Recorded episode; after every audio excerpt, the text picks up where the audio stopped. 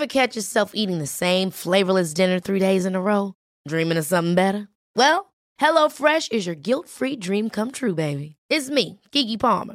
Let's wake up those taste buds with hot, juicy pecan-crusted chicken or garlic butter shrimp scampi. Mm. Hello Fresh. Stop dreaming of all the delicious possibilities and dig in at HelloFresh.com. Let's get this dinner party started. There's never been a faster or easier way to start your weight loss journey than with PlushCare. PlushCare accepts most insurance plans and gives you online access to board-certified physicians who can prescribe FDA-approved weight loss medications like Wigovi and Zepbound for those who qualify.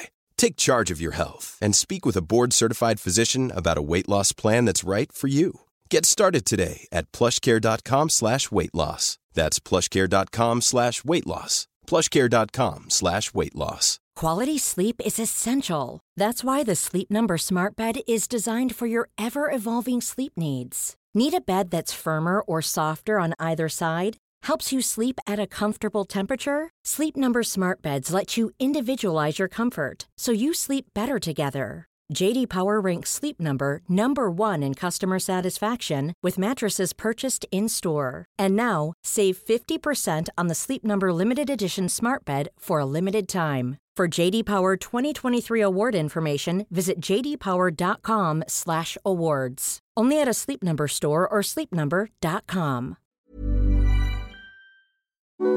I can discuss some of the psychological aspects of the case.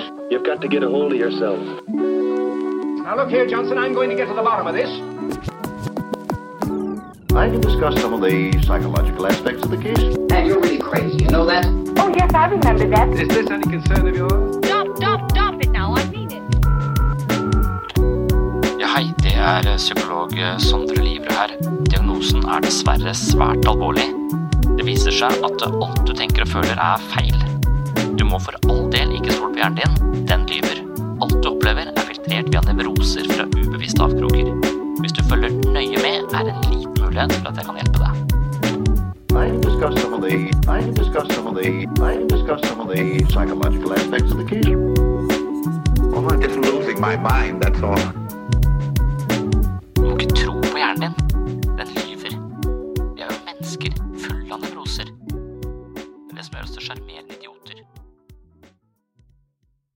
I denne episoden her så fortsetter jeg litt der jeg slapp sist, og snakke om dette med underdanighet som en såkalt negativ leveregel. Det betyr vel egentlig at man eh, setter seg selv litt lavere enn andre, er veldig opptatt av hvordan man blir eh, vurdert av andre, veldig redd for negative vurderinger og derfor bruker mye energi på å please og gjøre andre mennesker til lags, og hvis fokuset ditt er så mye utenfor deg selv, og du hele tiden tenker på hva andre mener du burde ha gjort eller ikke skulle ha gjort, så er det ofte lett å neglisjere egne behov og egne følelser, og ikke kjenne så mye etter på hva man trenger selv, og da i verste fall altså nesten miste seg selv litt i dette ytre fokuset. Og når man mister seg selv på den måten der sånn, så mangler man jo litt av den drivkraft man trenger for å skape mening i eget liv og føle seg som en agent i eget liv, føle et slags eierskap til egne prosjekter. Så hvis hele motivasjonen din er å please andre eller følge regler og gjøre det du blir fortalt at du burde gjøre, så vil jo livet fortone seg som et slags pliktløp diktert av andre mennesker, og da mister du virkelig mye av den livskraften man trenger for å skape et meningsfullt liv. Så dette her er en tendens mange mennesker har, det å ofre seg selv og underrapportere eller underprioritere egne behov til fordel for andre. Og så tror man at det er en fin måte å være på, man tar hensyn til andres følelser og behov, og det er selvfølgelig bra å ta hensyn til andres følelser og behov, men hvis det er høyeste prioritet i enhver relasjon, så blir det en skakk balanse. Dessuten så liker folk som regel at man sier sin mening, at man hevder sine behov og tar sin plass. Hvis man bare er en sånn som prøver å være sånn andre vil at den skal være, så blir man jo rett en slags produksjonsskive for andres fantasier. Så man kan liksom bli hva som helst, den er som en kameleon, så andre mennesker driver da nesten og styrer hvordan man responderer, og det, da føler man en slags det er ikke en spesielt oppriktig relasjon. Da. Man føler ofte at den typen mennesker er litt falske og bare danser etter andres pipe, og på den måten så er det litt vanskelig å vite hvem de er, hvor grensene deres går, og relasjonen blir deretter også ganske, ganske dårlig, egentlig. Det blir en ganske svak relasjon, For det vi trenger i gode relasjoner oppriktighet, sånn at man kan si hva man mener, si sine følelser og ha et slags jevnt forhold mellom gi og ta. Så vi, vi trenger å føle oss eh, at vi kan stille opp for andre, og da må de uttrykke sine behov. Og vi trenger at andre stiller opp for oss når vi har eh, behov, og at det er en eh, forholdsvis jevn balanse der sånn. Hvis du hele tiden er der for å please andre og aldri tar imot noe selv, så, så er du iverksetter du en skakk balanse som også går utover relasjonen på en ganske destruktiv måte. Så da fortsetter jeg litt på denne artikkelen, som jeg rett og slett er en oppsummering av denne leveregelen til Young og Klosko, som har denne skjematerapien. Så jeg, som sagt så fortsetter jeg litt der jeg slapp eh, sist, og skal snakke da om underdanighet da, som en negativ leveregel. Så denne leveregelen medfører ofte en følelse av at verden kontrollerer deg. Andre folk rundt deg synes å ha styringa, du føler deg inneklemt og kontrollert. I kjernen av denne leveregelen ligger en slags overbevisning om at du må gjøre alle andre til lags, man føler at man må gjøre sine foreldre, søsken, venner, lærere, partnere, ektefeller, sjefer, kollegaer, barn, og selv fremmede kan man risikere at man føler man må gjøre til lags.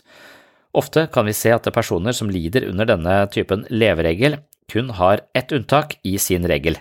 Den eneste man ikke trenger å tilfredsstille, det er en selv. Den andre personen kommer alltid først.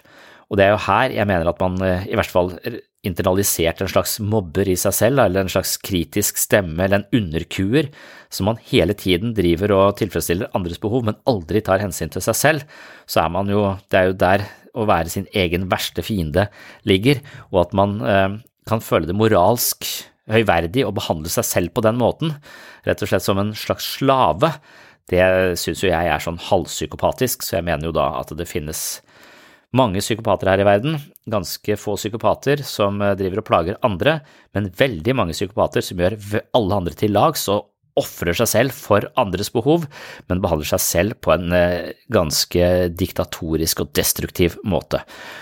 Da er man litt sånn psykopat innover i seg selv, da, og det synes jeg er, eh, det, det er en vanvittig vanskelig mentalitet å leve med. Så hvis man tror at det er prisverdig å hele tiden ofre seg for andre og aldri hevde seg selv, så bør man revurdere den holdningen der sånn. Det er ikke bra for en selv, og det er heller ikke bra for andre og relasjonen man har til andre. Så ved denne leveregelen underdadighet så kan man altså slite med en intens følelse av å være fanga i sitt eget liv. Det å være underdanig er selvfølgelig også undertrykkende. Man risikerer at man blir så opptatt av andres behov at man glemmer å ta hensyn til sine egne følelser, tanker, ønsker og behov. På denne måten kan man utvikle en følelse av å miste seg selv eller ikke vite hvem man er, rett og slett fordi man over lang tid har unngått å legge merke til sine egne behov. Det er en enorm stor byrde å leve et liv under vekten av denne pliktfølelsen overfor andre og ignorering av seg selv. Når vi over lengre tid ikke kjenner etter på egne behov og følelser, risikerer vi også å miste kontakten til disse. Det kan hende at man ikke klarer å finne ut av hva man egentlig ønsker eller hva man egentlig vil. Når man forsøker å kjenne etter, forsøker å følge sine følelser, oppdager man ofte bare en følelse av tomhet. I noen sammenhenger kan man se dette i relasjon til det man på folkemunne kaller for utbrenthet. Det å være utbrent er ofte at man har eh, gjort sine plikter og fulgt sin ordre i så lang tid, men gjør det bare fordi man må og fordi arbeidsgiver sier det, uten at man selv har noe engasjement eller brenner for det man holder på med. Så et prosjekt som bare er noe man gjør for å tjene penger eller fordi andre beordrer deg til det, det er et eh, liv hvor veldig mye av livskraften vår lett kan ebbe ut, og vi mister denne lysten eller appetitten på livet. Så det er viktig å velge eh, sine livsprosjekter. Altså hvis man hele tiden bare skal følge ordre, så, så blir det ofte litt eh, platt.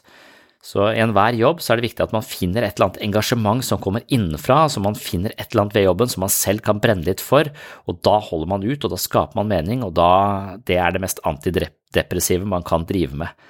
Så det å, hele tiden, det å klare å investere mening i det man holder på med, det er en livskunst.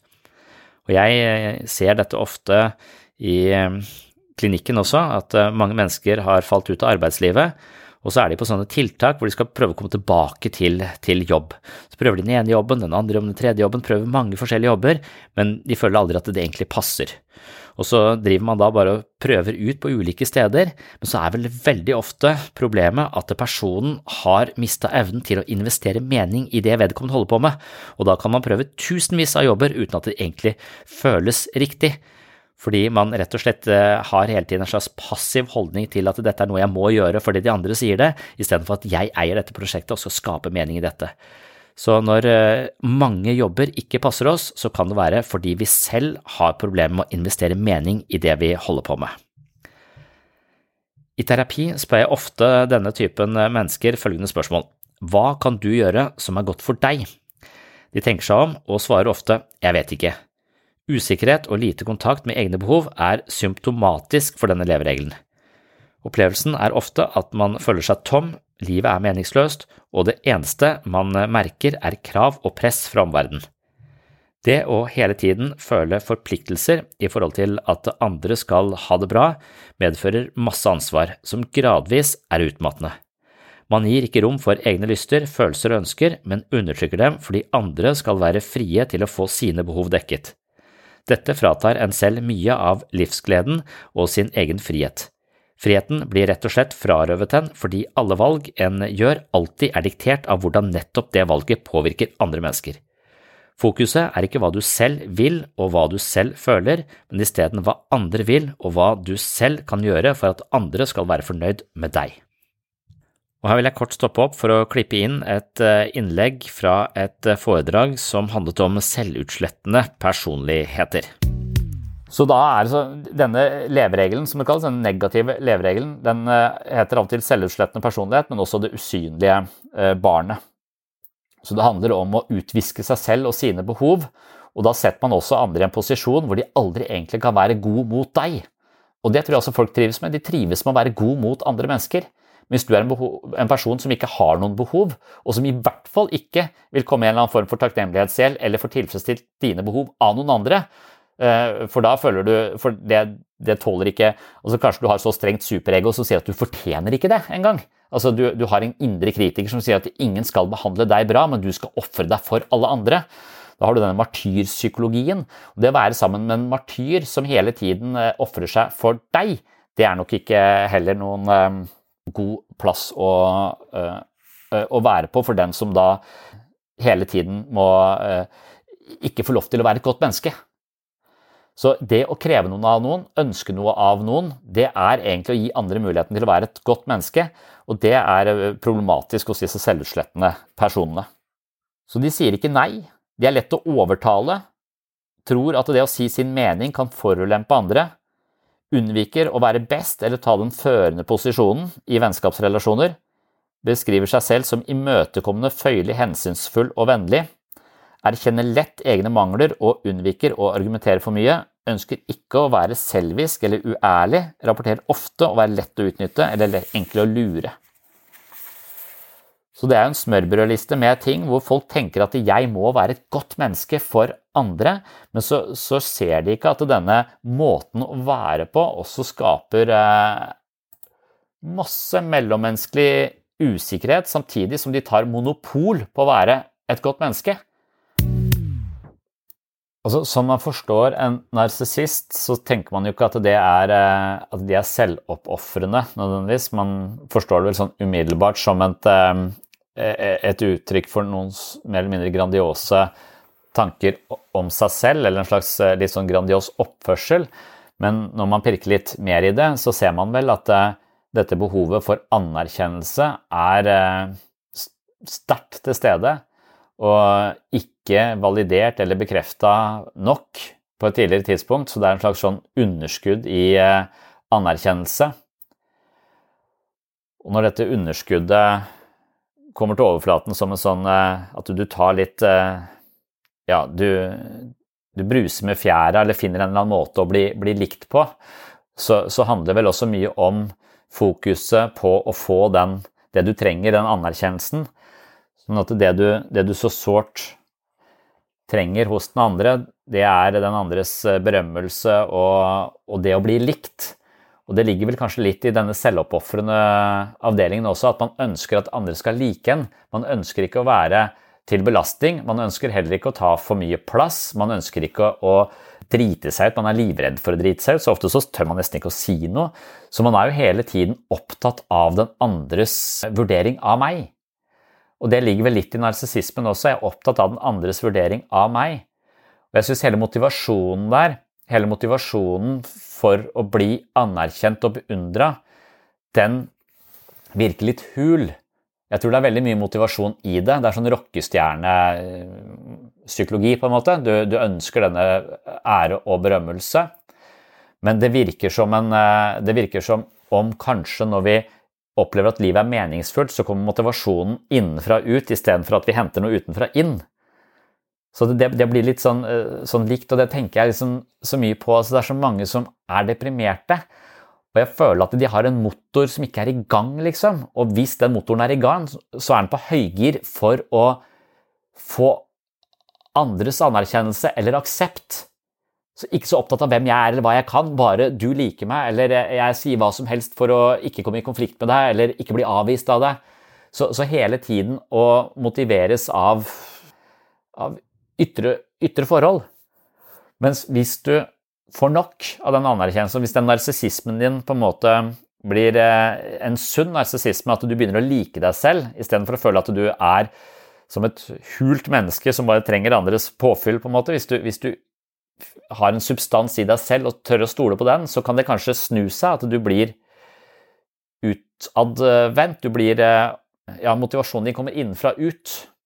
Så jeg lurer på om det gir, gir mening, at vi, at vi den, den, motivasjonen som gir livet mening, den dype motivasjonen, den handler om at jeg er fornøyd med meg selv, jeg trenger ikke andres anerkjennelse og berømmelse, men jeg er motivert av å skape noe. Og jeg er kanskje motivert av å hjelpe andre, kanskje også på en, på en mer sånn eh, på en sunnere måte. Ikke hjelpe andre for å være et godt menneske i et eller annet eh, bokholderi, enten det er ditt eget, eller om det er Gud sitt eller en eller annen religion sitt, at du bare eh, At du rett og slett er motivert av en sånn eh, Ja, du finner den motivasjonen på et annet sted enn underskudd. Mom deserves the best, and there's no better place to shop for Mother's Day than Whole Foods Market. They're your destination for unbeatable savings, from premium gifts to show-stopping flowers and irresistible desserts. Start by saving 33% with Prime on all body care and candles. Then get a 15-stem bunch of tulips for just $9.99 each with Prime. Round out Mom's menu with festive rosé, irresistible berry chantilly cake, and more special treats. Come celebrate Mother's Day at Whole Foods Market. There's never been a faster or easier way to start your weight loss journey than with PlushCare. PlushCare accepts most insurance plans and gives you online access to board-certified physicians who can prescribe FDA-approved weight loss medications like Wigovi and Zepbound for those who qualify. Take charge of your health and speak with a board-certified physician about a weight loss plan that's right for you. Get started today at plushcare.com slash weight loss. That's plushcare.com slash weight loss. plushcare.com slash weight loss. Hey, it's Ryan Reynolds, and I'm here with Keith, co-star of my upcoming film, If, only in theaters May 17th. Do you want to tell people the big news? All right, I'll do it. Sign up now and you'll get unlimited for $15 a month in six months of Paramount Plus Essential Plan on us. Mintmobile.com slash switch. Upfront payment of $45 equivalent to $15 per month. Unlimited over 40 gigabytes per month. Face lower speeds. Videos at 480p. Active Mint customers by 531.24 get six months of Paramount Plus Essential Plan. Auto renews after six months. Offer ends May 31st, 2024. Separate Paramount Plus registration required. Terms and conditions apply if rated PG. Og det, det vet jeg, altså det, det, føler jeg er forskjellen på depresjon og et meningsfullt liv. Og da tenker jeg også at det, De sier at det er mer depresjon i urbane strøk enn det er på bygda. Og at vi har snakket om det tidligere, at det, kan det ha noe med dette å gjøre? At det, i, et, i, et stort, i, en stor by så er det masse tilbud. Du har masse teater, kino, kafeer, diskoteker. Masse kulturtilbud. Da. Så du blir en konsument. Du, du blir en som, en som ta, som eh, konsumerer mye kultur. Så du, du, kan ta fra Det er et slags digert koldtbord som du bare kan velge og vrake. Og på et eller annet tidspunkt der så blir du mett. Og så lenge det ikke skaper noe, så lenge alt handler om å spise fra dette kulturelle koldtbordet, så vil du også langsomt føle deg overmett og litt eh, trett eh, av det, alle disse tilbudene. Du blir litt sånn apatisk, kanskje. Du blir litt sånn ja, det er litt sånn kulturell junkfood til slutt. Du har så mye å ta av. Mens på bygda så er det ikke så masse tilbud, og hvis du skal ha et tilbud, så må du ofte skape det selv. Kanskje du må arrangere et eh, lokalt teater eh, for, å, for, å, i det hele tatt ha noe kulturelt tilbud. Så istedenfor å konsumere det, så skaper du det. Og jeg tror det er ekstremt mye mer psykisk helse i å lage teater enn å Jeg tror det er viktig å se teater også og lese bøker osv., men jeg tror det å skrive en bok også kan være Det er den motsatte veien, liksom. Og jeg tror veldig Hvis vi klarer å investere mening i noe som kommer innenfra på den måten, og være aktøren i det, den skapende kraften, så tror jeg det er noe av det mest antidepressive som, eh, som fins. Hvis du kun er opptatt av ikke bli avvist av andre, du er selvoppofrende, du tenker aldri på dine behov, så har du heller ikke noe kilde å skape fra. Du vet kanskje ikke engang hva du liker. Du vet, du skal, det er det som er så problemet her. Altså, hvis du stiller selvoppofrende mennesker ganske enkle spørsmål, så sier de veldig ofte 'jeg vet ikke'. For de har aldri kjent etter. Så de, de kjenner jo seg selv dårligere enn de kjenner folka rundt seg. Så Det er som de, går, de har gått rundt i denne kroppen her hele livet, men du aner ikke hva denne kroppen eller denne psyken trenger. Du vet ikke engang om de liker actionfilmer eller komedier, for du har aldri spurt deg sjøl og du har aldri kjent etter. Så, så det, med et sånt utgangspunkt så er det klart at her må du begynne å kjenne til hva liker jeg, og hva liker jeg ikke. Og, og da, da, jo, da, kanskje man uh, står der som et spørsmålstegn i sitt eget liv. og det er klart at det, Hvis du skal drive en form for egenomsorg, og du ikke aner hvem du er, da er du på et vanskelig sted. Det er akkurat det.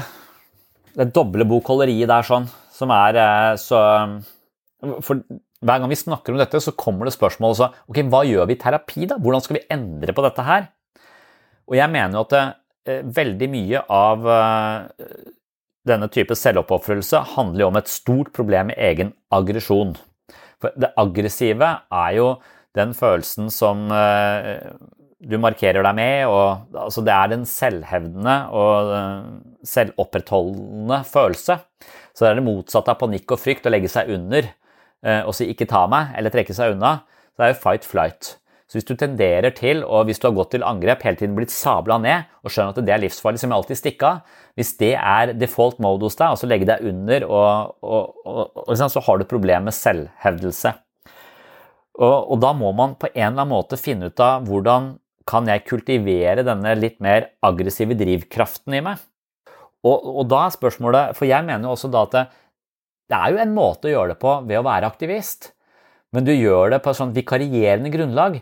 Det betyr at følelsen helt klart er tilgjengelig i deg, men du har bare sannsynligvis et superego som ikke tillater at du driver den samme typen av eh, si, selvrespekt og egenomsorg på vegne av deg sjøl. Du kan ikke være sint eller sette grenser på vegne av deg sjøl. Da føler du må si ja til alt.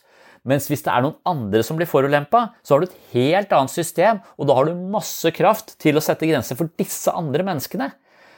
Og det er jo der du i min bok havner litt i psykopatsjangeren. Fordi jeg mener at eh, mennesker Veldig mange av de menneskene jeg eh, kjenner, er veldig oppofrende og snille mot andre. Og jeg prøver å være det selv, men jeg er også snill mot meg sjøl. Mange av de som kommer hit, er ekstremt gode mot andre mennesker, gjør masse godt for andre, men så behandler de seg sjøl på en måte som kun eh, kan karakteriseres som psykopatisk. Altså, Du har ikke lov til å si nei, du har ikke lov til å ha det bra, du har ikke lov til å si din mening, du er dum du er, ikke sant? Alle disse, disse, ideene som da sannsynligvis er inkarnert i dette superego. Så da kan du ikke Du er fraskåret fra å bruke den aggressive kraften og grensesettingen og selvhevdelsen på egne vegne, men du er god på på andre vegne. Og det at du kjører det doble bokholderiet, at du eh, er et godt menneske mot andre, men en psykopat mot deg selv, så er du i min bok psykopat, for jeg skiller ikke på retningen i psykopatien. Jeg syns det å være rasshøl mot noen kvalifiserer Jeg mener ikke psykopat, da, mener jeg på sånn tøysebegrep. Men jeg syns ikke du er noe grei, selv om du er kjempegrei mot alle. Så, så, lenge du ekskluderer deg selv fra den eh, kategorien av de du skal være grei mot, så, også, så, er du også mobberen, i mine øyne. Ja, der er jeg tilbake til dette med hvordan jeg syns at folk som er rasshøl mot seg selv, kvalifiserer for den benevnelsen. Jeg syns ikke det er eh, greit å behandle seg selv på den måten. Selv om man på en eller annen måte tror det er moralsk prisverdig å ofre seg for alle andre, men å glemme seg selv, så syns jeg det sier noe om karakter, karakteren til folk, og det bør de ja, det bør tenke på, for jeg syns ikke det er noe greit at de behandler seg sjøl så dårlig, og jeg ser det så ofte. Så nå skal jeg avslutte denne episoden med å gå litt videre i denne artikkelen om den, disse negative levereglene, og en eh, ting som også skjer, da, som er et, eh, et, en fare ved denne underdanige leveregelen, det er at man havner i en sånn type offerposisjon. Så når dette setter seg fast som en typisk måte å møte verden på, altså at man legger seg under og prøver å please andre på bekostning av egne behov hele tiden, så blir man etter hvert eh, dårlig i stand til å skape seg en egen oppfatning av hva en egentlig ønsker og trenger, og ikke minst eh, av hvem man egentlig er. Livet blir eh, uforutsigbart og skummelt fordi man ikke føler at man kan påvirke hendelsesforløpet i sitt eget liv. Man føler seg fanga og dømt av omstendighetene eller feid av gårde av en ubestemmelig skjebne.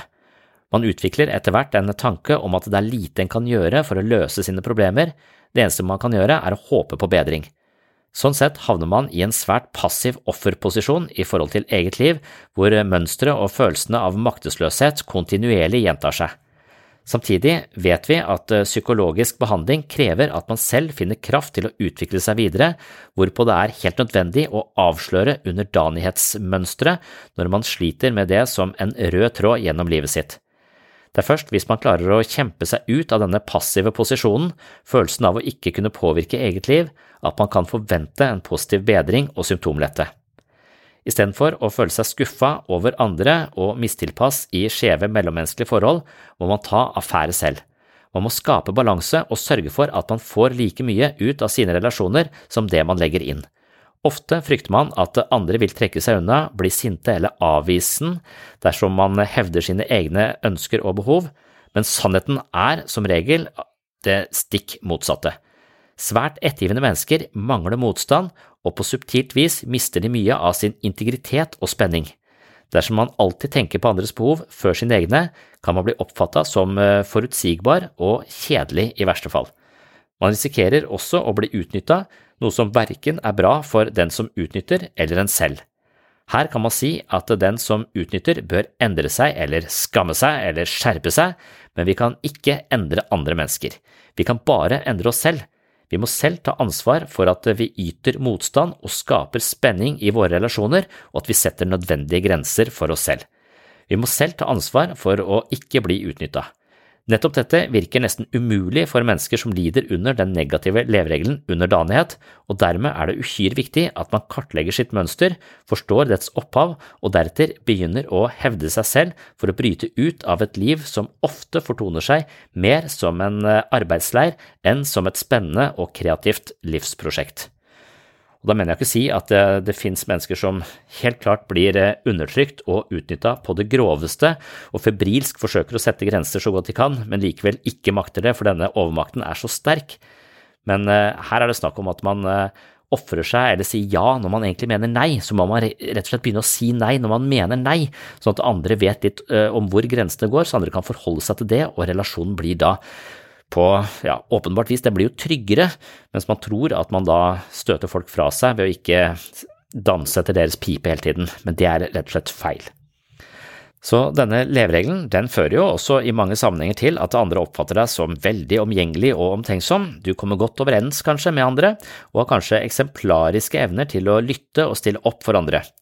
Det at du som regel undertrykker egne behov og følelser, gjør at du alltid er en bidragsyter for husfreden. Dette er for så vidt gode egenskaper, men dersom du har denne leveregelen, vil ditt mønster av underdanighet gå ut over din selvtillit. Eksempelvis føler du ikke at du har krav på selvfølgelige ting i et forhold, du tenker at alle andre har rett til å si fra, ytre sine meninger og ta plass, men ikke du. Og som sagt så undertrykker dette sannsynligvis også din egen selvfølelse. Følelsen av hvem du er blir uklar, og du står i fare for å miste deg selv i din undertrykkelse. I verste fall kan du på sett og vis miste deg selv i andre mennesker. Og det var det jeg ville si eh, så langt. Jeg kommer tilbake til denne tematikken, kanskje i en episode snart her på Sinnsyn, men jeg har også laget en eh, eller flere episoder om denne tematikken på min Patron-konto. Så dersom eh, tematikken om underdanighet og selvoppofrelse interesserer deg, så kan du dykke videre ned i denne materien på min Patron-konto der finner du blant annet episode 50 som heter Selvhevdelse og lekeslåssing, og episode 51 som heter Hvor går grensa? Og begge de episodene handler da om denne tendensen til å undergrave egne behov på bekostning av andre, og hvilke konsekvenser det har for deg selv, din egen selvfølelse, andre mennesker og relasjonene du har til andre mennesker. Og som sagt, i utallige episoder her på Sinnsyn, så kan du også abonnere på Sinnsyn inne på patron.com for segs sinnsyn. Da får du et medlemskap på mitt mentale treningsstudio, og som abonnent av Sinnsyn får du tilgang til masse ekstra episoder av denne podkasten. Du får bøkene mine som lydbøker, meditasjonsveiledning, masse videoforedrag og mye mer. Jeg lager en del øvelser der, og disse øvelsene er da mynta på å sette denne psykologiske teorien ut i praksis. Så hvis du ønsker mer sinnssyn, så er også patron.com for segs sinnssyn stedet å gå. Og det er også lyttere, Patron-lyttere som sørger for at lyset er på her inne på podkasten uke etter uke, for det er med støtte fra Patron-lyttere jeg kan prioritere dette prosjektet her hver eneste uke, og det setter jeg stor pris på. Så tusen hjertelig takk til alle dere som støtter denne podkasten via Patron. Det var det jeg ville si for denne gang. Håper du henger med i neste episode. Tjalabais! Oh.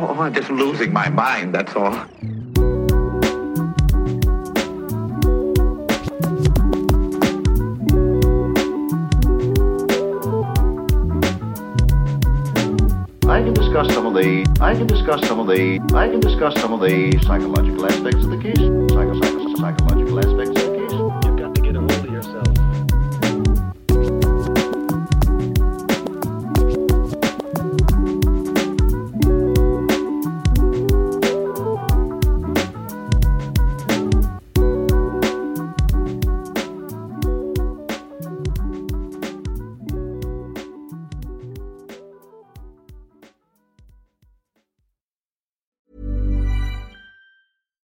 deserves the best, and there's no better place to shop for Mother's Day than Whole Foods Market. They're your destination for unbeatable savings, from premium gifts to show-stopping flowers and irresistible desserts. Start by saving 33% with Prime on all body care and candles. Then get a 15-stem bunch of tulips for just $9.99 each with Prime. Round out Mom's menu with festive rosé, irresistible berry chantilly cake, and more special treats. Come celebrate Mother's Day at Whole Foods Market. Hold up. What was that? Boring. No flavor. That was as bad as those leftovers you ate all week. Kiki Palmer here, and it's time to say hello to something fresh and guilt-free. Hello Fresh. Jazz up dinner with pecan-crusted chicken or garlic butter shrimp scampi. Now that's music to my mouth. Hello Fresh. Let's get this dinner party started. Discover all the delicious possibilities at hellofresh.com. Imagine the softest sheets you've ever felt. Now imagine them getting even softer over time. That's what you'll feel with Bowl and Branch's organic cotton sheets. In a recent customer survey, 96% replied that Bowl and Branch sheets get softer with every wash. Start getting your best night's sleep in these sheets that get softer and softer for years to come. Try their sheets with a 30-night guarantee. Plus, get 15% off your first order at bowlandbranch.com. Code BUTTERY. Exclusions apply. See site for details.